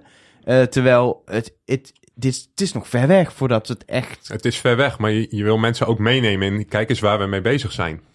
Op, iedereen, heel Ja, maar veel komt dat er dan ook uit? Dat is eigenlijk, wel, dat is eigenlijk een beetje jouw vraag. Want die, die vragen wat ik stelde van, nou, vertel, hoe zit het dan? Dat is dus heel lastig te beantwoorden. Ja, dat klopt. Ja. Ja, toch? Maar, Nee, je, maar moet dat- ook je moet ook laten zien natuurlijk waar je mee bezig bent. Want anders dan... eh, Maar het is, ja. dit, ik denk dat het altijd is, als je, als je zulke grote technologische veranderingen, die, die hebben niet, daar hebben we het niet over jaren, maar dan hebben we het soms over decennia van ontwikkeling.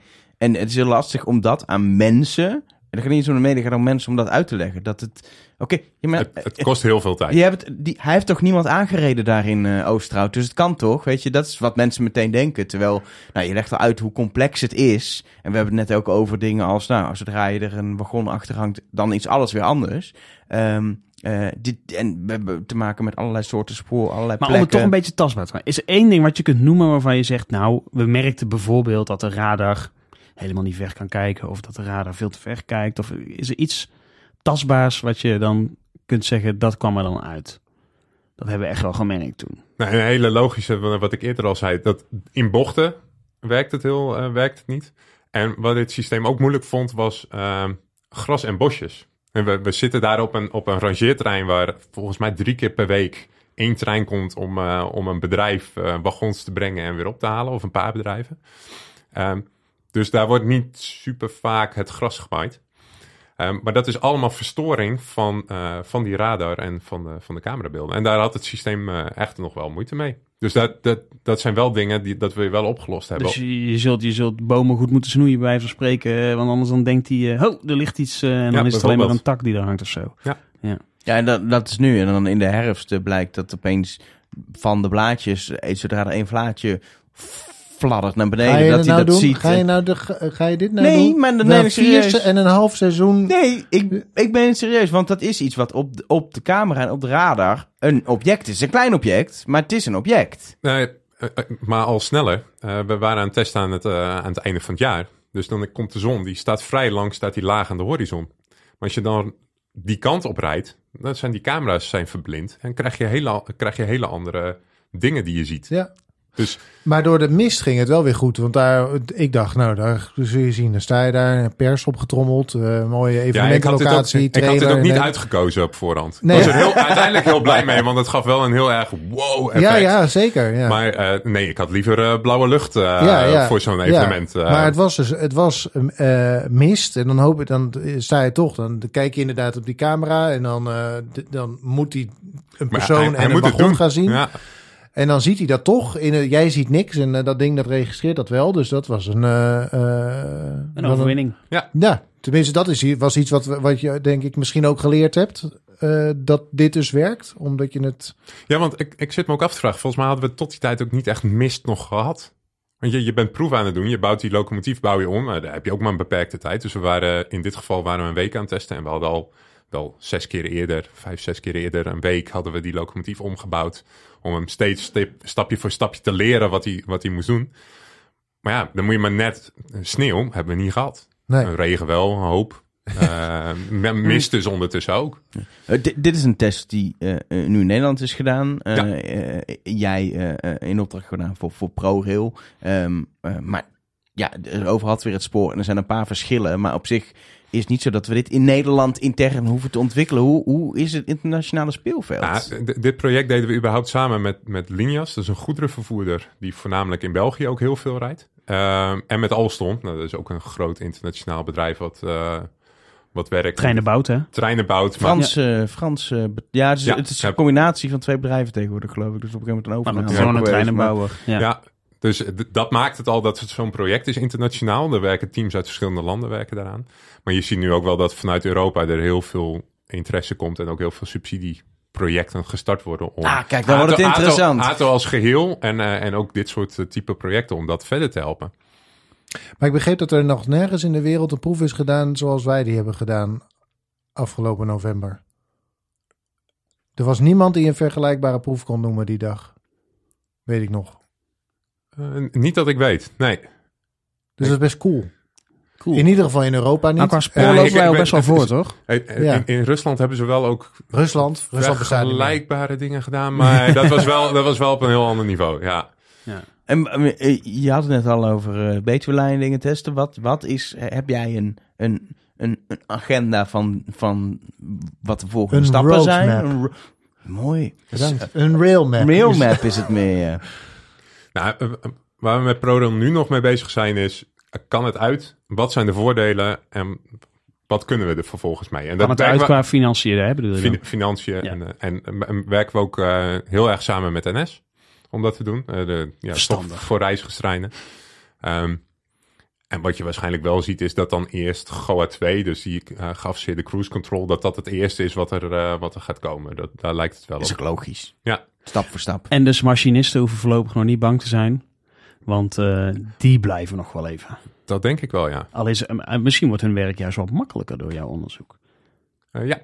Dat is Ja, maar dat, oh, er komt ook een punt dat je moet, dat natuurlijk, dat lijkt me ook. Dat is ook, ga je denk, dat onderzoek je ook al van, hoe, hoe is voor machinist nog te doen om bij de les te blijven? Als alles automatisch gaat, behalve op het moment dat het misgaat, moet jij ingrijpen. Dat, je wordt heel gauw lui. Ja, dat Ja. Hebben, we- in, in, dit on, in, in dit onderzoek hebben we er echt niet naar gekeken. Dat is puur meer technisch van, Ja. kunnen we dit nou? Maar ik weet wel dat, eh, dat collega's van mij er zeker mee bezig zijn, ook in, in vervolgprojecten en ook eh, bij NS, van wat, wat doet dit nou voor de rol als machinist? En wat doet het met eh, je aandachtscurve? ja. Er wordt er op een gegeven moment een soort van eh, systeembeheerder ook bijna. Tenminste, als ik het vergelijk met de eh, afdeling reisinformatie waar ik lang gewerkt heb. Dat was, eh, dat was ooit het veredelde handwerk. En dat ging het, eh, IT ging dat steeds meer overnemen en er werd steeds meer geautomatiseerd. Waardoor zo'n rol eigenlijk van een soort van een communicatiefunctie, dus mensen vertellen wat er aan de hand is, naar een soort IT-systeembeheerder rol gegroeid is. Omdat Je je, moest eens eigenlijk weten wat machinisten allemaal in moeten drukken in die trakstreinen hier op de HSL. Dat is echt, echt absurd. heel veel, ja, nou dat hoeft Allemaal natuurlijk- knopjes. Oh, allemaal knopjes. Ja, Ja. Ja, maar dat is ook vooral vanwege het schakelen tussen ja verschillende ook, soorten maar ook, eh, Ja. je moet ook, eh, weet ik veel, je moet van alles doen, ook met het ERTMS en zo. Je, voor, voor dat, ja. Om- Voordat het allemaal werkt. Maar ja, Eh, Ja. neem, maar- neem de luchtvaart. In, in principe, bij goede vluchten hoeven piloten heel weinig te doen. Ja. Dus allemaal automatisch piloot. Maar eh, ze, ze moeten wel met z'n tweeën daar scherp zijn. En eh, Ja. eh, de controle overnemen. En inderdaad nog even op een paar Misschien juiste moet je dus als, als machinist uiteindelijk met z'n tweeën in de cabine zitten. Zodat je elkaar wakker kunt houden. Ja, dat, dat is onhandig. zijn. Want Dat het idee was juist zijn. om, om, om personeel te besparen. Maar, Ah, kijk, het grote verschil tussen luchtvaart en, en de trein is dat bij, een vlie- bij een vliegtuig, als de automatische piloot stopt, moet je wel doorvliegen. Met de trein, kunnen, we- met, de- met, de Is het trein, zo? met de Oh. trein kunnen we hem stilzetten. En Ja. heb je een nieuwe veilige situatie gecreëerd. Ja. Je, stort ja. niet neer. Je stort niet neer. Nee. ja, dat is wel een Dus verschil. Behalve dat- dat, dat- we een, een versperd spoor hebben op dat moment. Ook altijd maar- lastig. Ja, maar het is, Dat nog, het is in ieder geval nog veilig. Ja. Ja. Ja. En een.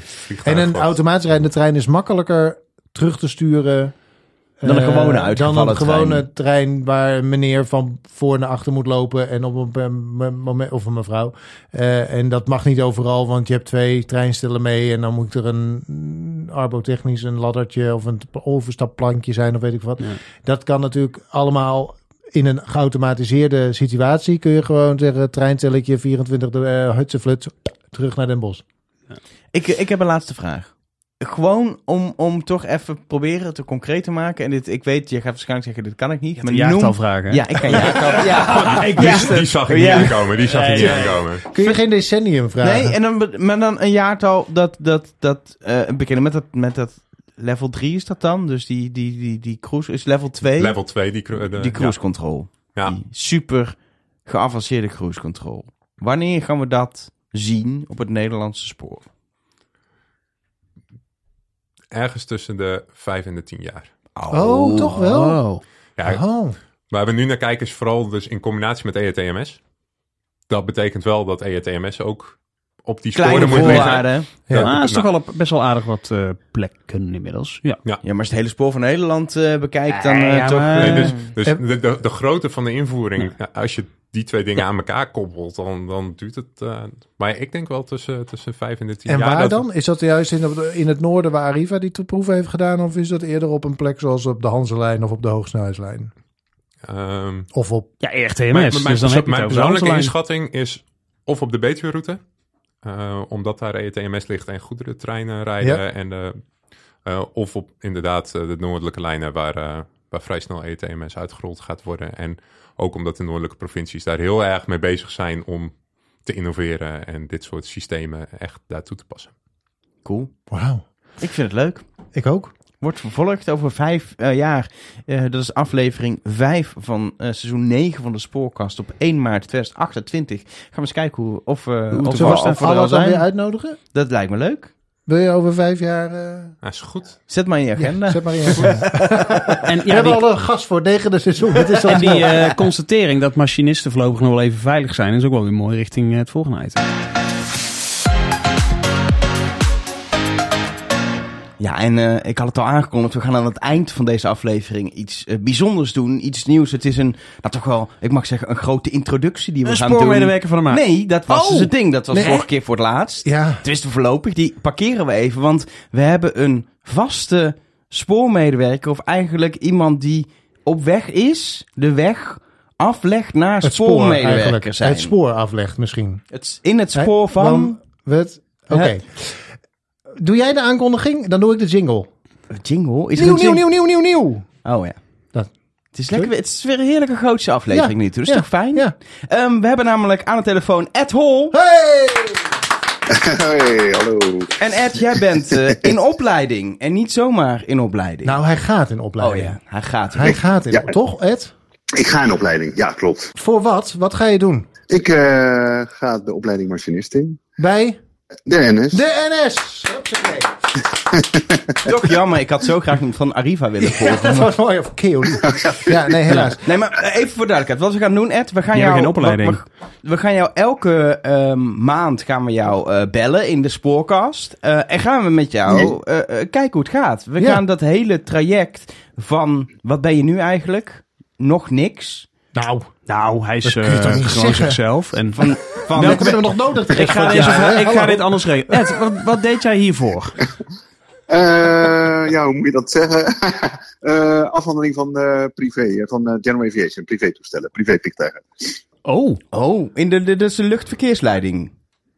Nee, nee, nee, nee, Oh. nee eh, afhandeling, dus eh, totaalafhandeling. Dus eh, van operations tot buitendienst. Ja, ik Nou, zit, dat ik, zit, ik zit niet in de vliegindustrie. maar is hè, dat, dus, moet ik aftanken of zo? Of zorgen dat ze afgetankt zijn? Of hoe moet ik dat, dat, soort ja, dingen? en dat ze op hun plek staan, eh passagiers Oh, zulke toestel, afhandeling. bagage. Ja, Maar deze man heeft de meest bizarre Nee, nee, nee, ja, eh, zo'n cadeaus gekregen van, eh, beroemd, van beroemdheden. Oh, ja. Maar echt, Mick Jagger of zo, wat is het? Bloemen, nee, geen Nee. bloemen. Nee, ja. Meestal krijg je, wat, ja, wat krijg je? Ja, eten, fooi, eh, dat. Van, be- van beroemde mensen. Hij heeft zelf bloemen gekocht van de fooi die hij kreeg van Mick Jagger. Ja. Dit Ja, verhaal is zo warrig, Nee, Arjan. Ik, Nee, maar- waarom Ja. vraag, vraag het hem gewoon? Ja, dat heb ik net gedaan. Wat heb je zo al gekregen en van wie? Ja. Eh, ik heb wat bloemen gekregen. Wie was dat ook weer? Ja, van, hoe heet die, eh, regisseur eh, van E.T. Hoe heet die? Spielberg, ja. Oh, Steven klopt. Spielberg. van, oh, je hebt gewoon bloemen gekregen van Steven Ja, Spielberg. dat zeg dat dan. Ja. Ja, van het toestel, hè. Niet van hemzelf. maar, ja. Maar op een gegeven Ja, moment had je, ja, had je daarmee ook een hoogtepunt bereikt en dacht je, ik wil een andere Ik stap dacht- in mijn carrière. Ik wil van die vliegtuigen af, dat is slecht voor het milieu ook. Ik wil naar het spoor. precies, dat. Ja, dat, eh, dat laatste klopt wel, ja. Goeie keus. En toen dacht je, dat als, Ja. het, als het op het spoor is, dan wil ik ook machinist worden. Ja, Maar nou is het natuurlijk het Ja. aardige. Jij gaat nu de opleiding in en dat gaan we nu doen. We gaan jou volgen in, tijdens deze opleiding. Hoe lang duurt deze opleiding? Ehm, dat heb ik nog niet helemaal officieel gehoord, maar in de wandelgangen zeven maanden. Het, schijnt, het schijnt iets voor kort te zijn. En, en dan ben je een soort basismachinist. Maar je kunt natuurlijk nog, je kunt nog allerlei dingen uitbreiden en zo op de HSL. En eh, Ja, misschien nog precies. naar Ja, eh, buitenland en zo. Ja, Maar dat, eh, nou, in eerste instantie zeven maanden. Nou, dus de komende zeven maanden gaan we jou horen. En wanneer ga je beginnen? Eh 20 maart als het goed is, maar dan krijg ik waarschijnlijk introductie. Dus dat zal het een die dagen daarna zal ik waarschijnlijk beginnen met opleiding. En moet je dan naar een soort eh, kantoor eh, op een industrieterrein? Of wat, hoe ziet het gebouw eruit waarin je introductie van, kwam, van machinist zijn begint? Is dat al meteen eh, in een grote loods met treinen of hoe ziet dat eruit? Ik heb daar echt nog geen idee over. Ik krijg Nee, dat nog, is pas eh, 20 even maart. Ja, maar misschien precies. is er Ik een heb een hele mooie, Nee, ik heb een app gekregen en daarin kan je dan al een beetje een journey eh, volgen, zeg maar. En, eh, en die wordt elke keer weer opengesteld, zeg maar. Dus er zijn eh, items die zijn op slot. En die worden elke keer unlocked met, met periodes. Dus die van de introductie moet nog unlocked worden. Dus die weet ik eigenlijk nog niet hoe dat eruit Wat weet je al wel? Met bedrijfskleding, die heb ik gisteren gepast. Dat weet passen, ik. En ja, Ja, het is ook heel hesje als het niet past. Dat is Nee, vervelend. dit is een, toch een pak. Je Nee. krijgt wel een pak met Ja, maar je moet ook en een hesje hebben. zo. Als jij, als jij Ja, eh, van het rangeerterrein afgaat, dan moet je wel een hesje aan als je uitstapt. ja, en gele, ja, dat fluoriserende werkschoenen inderdaad, met eh, neuzen. Ja, dat klopt. Ja, en eh, inderdaad, achter in, in, de, eh, in de trein krijg je inderdaad heel net hesje met de stropdassen. Maar, Oh ja. maar, maar Ed, Oké. dit zijn allemaal dingen die je dan Ja. misschien nog niet helemaal weet hoe dat het allemaal gaat. Maar wat, we- de, hè, hoe, ging, hoe, hoe heb jij gesolliciteerd? Hoe, hoe ging dat? Ehm, dat ging niet heel goed. dat duurde heel lang. Ja, ik weet wel, volgens mij hebben ze het heel druk, hè, daar. eh, Ja, die klopt, dat was het. Ja. Ja, ja, ja. HR was een beetje overbelast. Dat is Ja. waar, ja. Maar ze hebben wel ontzettend het best gedaan. Ja, eh, ja, je begint met een motivatiebrief en je cv. En eh, daar word je uitgenodigd. En dan krijg je een, eh, ik denk een interim HR-medewerker. En die, die doet de voorcheck, zeg maar. En dan krijg je een gesprek met een HR-persoon. En eh, even kijken, hoor, ik heb op Den Haag Centraal gesolliciteerd. En dan met de voorman daar. Dus dat was eigenlijk een, een driegesprek. En die ging ook positief. En dan ga je de psychologische test in. Dat was in Rotterdam. Zes uur lang, dat was best pittig. Wow. en daar, ja, Maar eh, wacht, Ja, even, ja, wacht, even, wacht even hoor. Want een psychologische test van zes uur. Eh, Hoe, hoe, Ehm, hoe- ja, hoe- wat dan? ook de capaciteit. Wat nee, je- eh, ja, of je, of je wel alles op een rijtje hebt. Nee, maar hoe Eh, ga- nee, kun, je- eh, kun je er iets van, kun je iets, iets van noemen wa- wat er dan gebeurde? Capaciteit ook, denk ik. Dus vooral concentratie willen ze natuurlijk weten. Dat je echt wel gewoon lang naar sport kan kijken en dat je de scène opmerkt. Dus daar was het al vooral op gericht. En dan krijg je volgens mij, zit daar gelijk in je sportbevoegdheid. Dus dat heb ik daarmee ook gelijk gehaald. Of je wel capabel bent om... eh, Maar mo- moet je dan gewoon zes uur naar een scherm kijken en kijken of je daar dan wel naar blij- blijft kijken? Nee, nee. Nou, dat was bij wel bijna een uur. Ja, een uur en een stip en dan verandert dat, kleuren veranderen. En dan moet je, ja, dan moet je reageren. En dat, eh, Wauw. ja. Holy Maar dat, ze doen Ja. waarschijnlijk ook gewoon vijf uur doen ze gewoon dingen die helemaal niet nodig zijn. Om jou gewoon uit te putten al. En dan eh, het laatste uur, dat is het bepalende uur. Want dan ben je al uitgeput en dan gaan ze kijken, heb je nu nog de concentratie Om naar een stip te kijken. om naar een stip te kijken? Wauw. Ja, precies. Ja, zo gaat het wel. Ja, het is, ja, het is echt capaciteit. Of je, ja. Ja, ja, ik vond het eh, vet interessant, maar het was een, met een heel positief resultaat. Dus- Oké, en, en, en, en dan, nou oké, dat was dan een psychologische test gehaald. Met vlakke wimpel natuurlijk, Ed, hè, tuurlijk. Hè? Tuurlijk, Tuurlijk, tuurlijk, ja. tuurlijk. En, en, toen, en toen? Ehm, ja, dan heb je eigenlijk nog een medische keuring. Eh, dus eh, ogen, oren, eh, fysiek, denk Puntje ik. van je Nou, neus. Ja, Puntje van je neus. Carnaval is net geweest, jongens. Ja. Maar, maar waar, moet je, hoe- waar moet je dan aan voldoen? Zijn er, want ik weet bijvoorbeeld bij conducteur eh, dat je bepaalde hoogte moet hebben. Je moet, je, je moet een bepaalde lengte hebben. Je mag niet boven een bepaalde lengte, niet onder een bepaalde lengte zitten. Maar is dat bij een machinist ook zo? Oeh, uh-oh, hier val ik door de mand. Ik denk Oh. van mijn, ik weet het. Jij voldeed Nee, ja, er ik gewoon denk, aan. hebt een- ja, minimale lengte, dat heb je wel. Maar maximale lengte weet ik niet. Ik zeker. denk, ik denk je ik moet, ze passen gewoon of je boven in een, eh, in een koploper eh, kan zitten. In de, dus als je maar ja- daarin past, dan... Dan eh, is het punt is, je moet dus op een, op een rangeerterrein moet je wel in een trein kunnen klimmen. En daar moet je gewoon een bepaalde hoogte voor hebben. moet anders gewoon kun je er sterk gewoon niet bij. zijn. En ste- ja, ja, maar je Ja. moet ook een bepaalde hoogte hebben. Gewoon ik dacht één- pull-ups doen en dan kun je kijken of je Ja, maar. Of van, die 60 of spring, zo. of van die springveren onder je schoenen. Poing. Dat is geen cartoon, hè? Maar, Maar je, oké. je bent overal doorheen en je mag eind maart mag je beginnen met je opleiding. Dat is dus eind deze maand. Eh, en wij gaan je de komende, nou ja, zolang als je Zeven eh, maanden. eh, opleiding duurt, gaan we je volgen. We gaan je iedere maand bellen en dan horen we graag hoe het, hoe het je vergaat. Ja, leuk en spannend. Ja, ik mag natuurlijk niet falen. Nee, Nee, je nee. gaat, voor, voor de landelijke podcast ga je. En we willen, willen ook vooral de roddels uit je klas horen. natuurlijk. Want Je hebt Zeker. natuurlijk, je, het is niet een opleiding die je alleen volgt. Je hebt allemaal andere machinistenopleidingen. Samen doen jullie dat traject. En natuurlijk wel horen of er nog, eh, of er nog gedate wordt onderling. Precies, en, eh, Sleazy wie, eh, van het eh, precies. personeelsbedrijf van de NS willen we wie, natuurlijk wie wel. in wiens Ja. kluisje heeft geplast. En allemaal dat soort verhalen. Ehm, Ed, eh, Ja. sorry dat, ik je, dat we je dit nog moesten aandoen. Eh, maar wat leuk dat je, eh, we je iedere maand mogen, mogen bellen. En we, ja, wat, we Ja. wensen je natuurlijk voor de eerste lesdagen aan het eind van deze maand alvast heel veel succes. En, En plezier vooral. En plezier. Want volgens En- mij is het ook een hele leuke opleiding. Je mag best bij wel snel op de trein, volgens Ja. mij, hoor. en ja, oh ja. Ja, de- ik, had, ik kwam er laatst een tegen. Die was toch al, die was net twee maanden bezig of zo. Toen was hij al, eh, dan mag je al meerijden, hè? Of, eh, ja, dus, eh, Je mag alleen nog niet sturen. sturen doe je sowieso niet in de trein. Ja, dat was de grap, maar ik denk, ik zeg het toch even. Ik merk wel dat we aan het einde van deze aflevering zijn gekomen. Ed, eh, bedankt eh, dat je even aan de telefoon wil- wilde komen. En tot volgende maand. Succes. Tot eh, volgende maand. En welkom Ja, bij NS. Fijne dag allemaal. Hey, dankjewel. Hoi, hoi. Ik vind het toch leuk dat iemand van ProRail daar zo enthousiast over is. Ja, natuurlijk, maar we zijn toch één spoorfamilie? Ja, nee, zeker. Is toch zo? Zeker. Heb je nou ook een spoormedewerker van de ma Nee, dat hoeft dus niet meer. Oh nee, dat hoeft niet meer. Nee. Het zit helemaal, ik zit helemaal op, het, ja, op dat spoor nog. Ben je Snap at home? Volgende maand bellen we je weer. Dat is meer het ding, ja. Stuur even je nummer, dan komen we bij Ja, mail je nummer even naar mail je nummer even, spoorkast.nl. Oh, dat is ook zonde. We zijn van een blokje ja, e-mailadressen af. e-mailadressen af. Ja, alleen nog bij het station.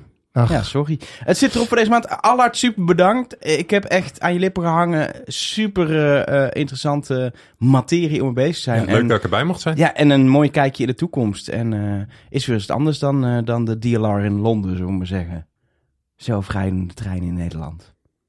De DLR in Londen. Ja, dat is bij zelfrijdende wel... treinvervoer, denk ik. Ja, aan- ik vind het... Ja, oké. Maar ik vind het wel een nerdiness opmerking die mensen buiten... De, is weer eens wat anders dan de metro van Kopenhagen. De metro van Dubai. Ja, daar ben ik nooit geweest. Ik wel. Ja. Ik wil heel Het is graag. weer eens anders dan de airtrain van eh, Atlanta. Precies. De, of in Parijs heb je ook metro's die zelfstandig rijden trouwens.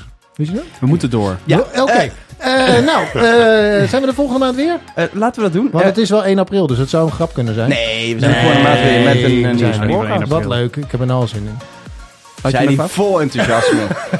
Wat is het? Fluit je Ja, af. af, ja.